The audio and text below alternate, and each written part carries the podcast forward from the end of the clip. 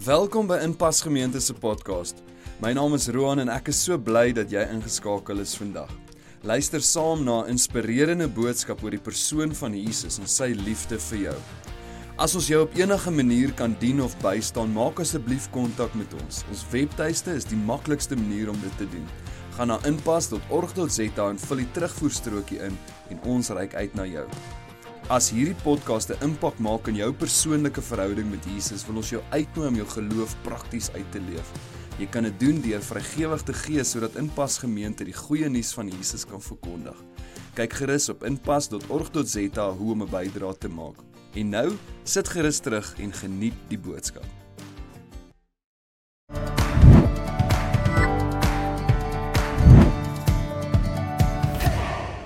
As ek en jy hoor eindig sterk, dan dink ons aan ons moet harder werk en meer effort insit en harder probeer en bietjie meer vasbyt en en in sommige gevalle is dit so, maar vandag het ek so 'n bietjie goeie nuus vir jou. Jesus nooi jou na 'n beter, meer vervulde lewe. So lees saam met my die verhaal van Martha en Maria, dan leer ons bietjie iets daaruit. Lukas 10 vers 38 en op op hulle reis het hy in 'n sekere dorp gekom en 'n vrou met die naam Martha het hom in haar huis ontvang en sy het 'n suster gehad met die naam Maria. Die het aan sy voete en die het aan die voete van Jesus gesit en na sy woord geluister. Maar Martha was baie besig om alles klaar te kry. Sy kom toe daar staan en sê: "Here, gee U nie om dat my suster my alleen laat bedien nie. Sê dan vir haar dat sy my moet help." Maar Jesus antwoord vir haar en sê: "Martha, Martha, jy is besorg en verontrus oor baie dinge." Maar een ding is nodig en Maria het die goeie deel uitgekies wat van haar nie weggeneem sal word nie. Nou vandag word ek en jy uitgenooi om jouself te vind in hierdie verhaal van Martha en Maria, uitnodiging na 'n beter lewe of soos Jesus vir vir gesê het Maria het reeds die goeie deel, 'n beter lewe as jy Martha. Martha is so besig en Maria aan die ander kant sit by Jesus se voete.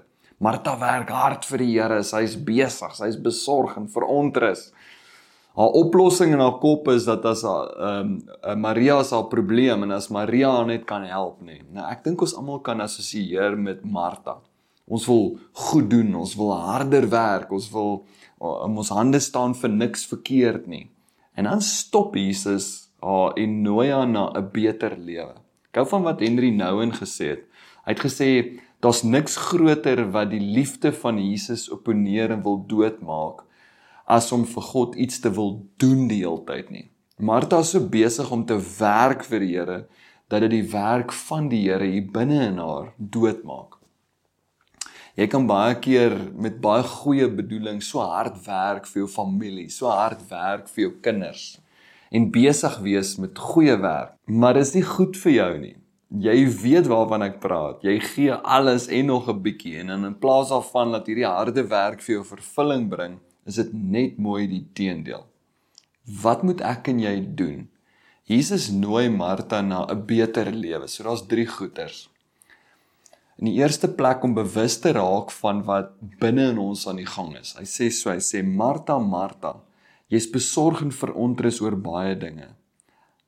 Nou, hy veroordeel haar nie in hierdie gedeelte nie. Nou ons kan ongelukkig nou nie die stemtoon agterkom van die geskree. Ek wens daar was emojis in die Bybel en kon ons gesien het wat se stemtoon, maar Jesus gee juis om vir haar. Die message vertaling sê Martha, liewe Martha, jy het geen idee hoeveel ek vir jou omgee nie. Jy's so onbewus van van hierdie binnekant, hierdie binnewêreld van jou wat binne in jou aan die gang is. Kom ek help jou. Jy's besorg, jy's verontrus. As ons Jesus volg, is ons op 'n innerlike reis tog. As jy Jesus ontmoet en leer ken, dan leer ken jy eintlik jouself beter of jou binnewêreld begin jy beter te verstaan. Jy sien meer afgesny van hierdie binneste wêreld nie, nê? Jy kom in kontak. Jy aanvaar dit wat binne in jou aan die gang is. Daar's uh, soveel goed binne in my en jou aan die gang wat ons baie keer wil ontken en van wegskram. Die uitnodiging is om bewus te raak van jou binneste. Voel dit, erken dit. Moenie dit net een kant toe stoot en net besig wees die hele tyd en stoot dit weg nie. Die eerste les wat Martha moes leer is om bewus te raak van haar binnewêreld. Wat wat is aan die gang hier in die binnekant van jou? So my eerste vraag vir jou is: het jy 'n manier wat jy met die Here omgaan wat jou help om op te let? Wat is binne in jou aan die gang? En dan moet Martha leer om te gaan sit. Die moeilikste ding op aarde, sê so. En sy het 'n suster gehad met die naam Maria. En die het aan die voete van Jesus gesit en na sy woord geluister. Dit is asof Jesus vir haar wil sê, kyk na Maria, Martha. Die een wie jy dink is jou probleem, het die grootste geskenk vir jou. Jy gaan soveel kan leer by haar. Nou om te sit by Jesus se voete is 'n tegniese, Christelike tegniese term. 'n Disipel was veronderstel om te sit by die voete van sy rabbi. Nou wat wat gesê word deur hierdie ritueel, want dit is 'n ritueel gewees, is dat sy haarself moet leegmaak. Ek is nie hier om myself te wil bewys of om ander te beïndruk nie. Ek gaan sit.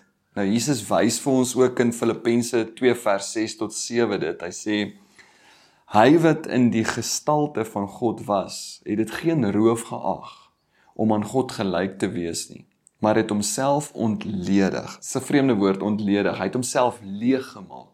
Hy het nie vasgehou aan sy posisie nie. Deur hierdie geestelike dissipline te beoefen van sit by Jesus se voete spreek sy eintlik die wortel aan van haar angs en haar onrus, né? Nee? Die eie ek. Die ek wat almal moet beïndruk. Ek moet almal tevrede stel. Martha moes leer om dit te laat gaan.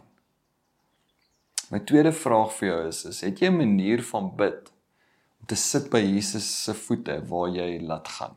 Word bewus van jou eie ekkigheid en laat dit gaan. Een van die eerste maniere van gebed is om te sit en waar te neem wat aan die gang is hier binne in jou.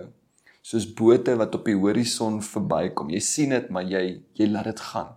Soos 'n scuba duiker wat afsak onder in die water en jy so in jou bewussyn in. Jy neem waar, maar dan laat gaan jy dit. Dan in die laaste plek luister na Jesus se woorde. En sy het 'n suster gehad met die naam Maria. Die het aan die voete van Jesus gesit en na sy woord geluister. So ons gaan sit en ons word bewus van die dinge hier binne in ons wat aan die gang is hier binne in ons. Ons maak onsself leeg sodat ons onsself nou kan vul met die woord van die Here.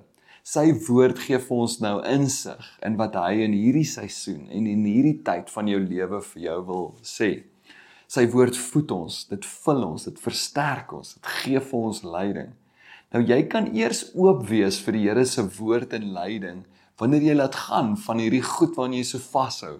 Jouself leegmaak van jou eie ekkigheid. En nou kan die Here sy woord kan dan begin groei in ons. Hoor wat sê Jakobus 1 vers 21. Daarom doen ons afstand van alle veiligheid en oorvloed van boosheid en ontvang met sagmoedigheid die ingeplante woord wat in staat is om julle siele te red.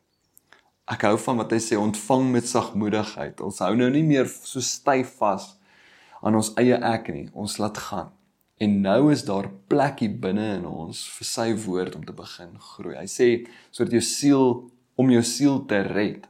Dis 'n plek van genesing, van verlossing. Jou siel het nodig om verkoop en gevoed te word.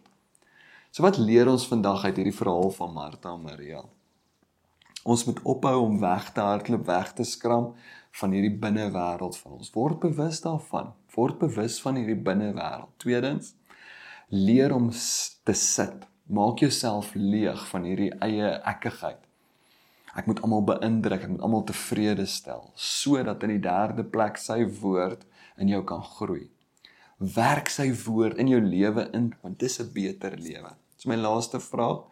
Het jy 'n manier hoe jy sy woord ontvang, daarna luister en dit inwerk in jou lewe in?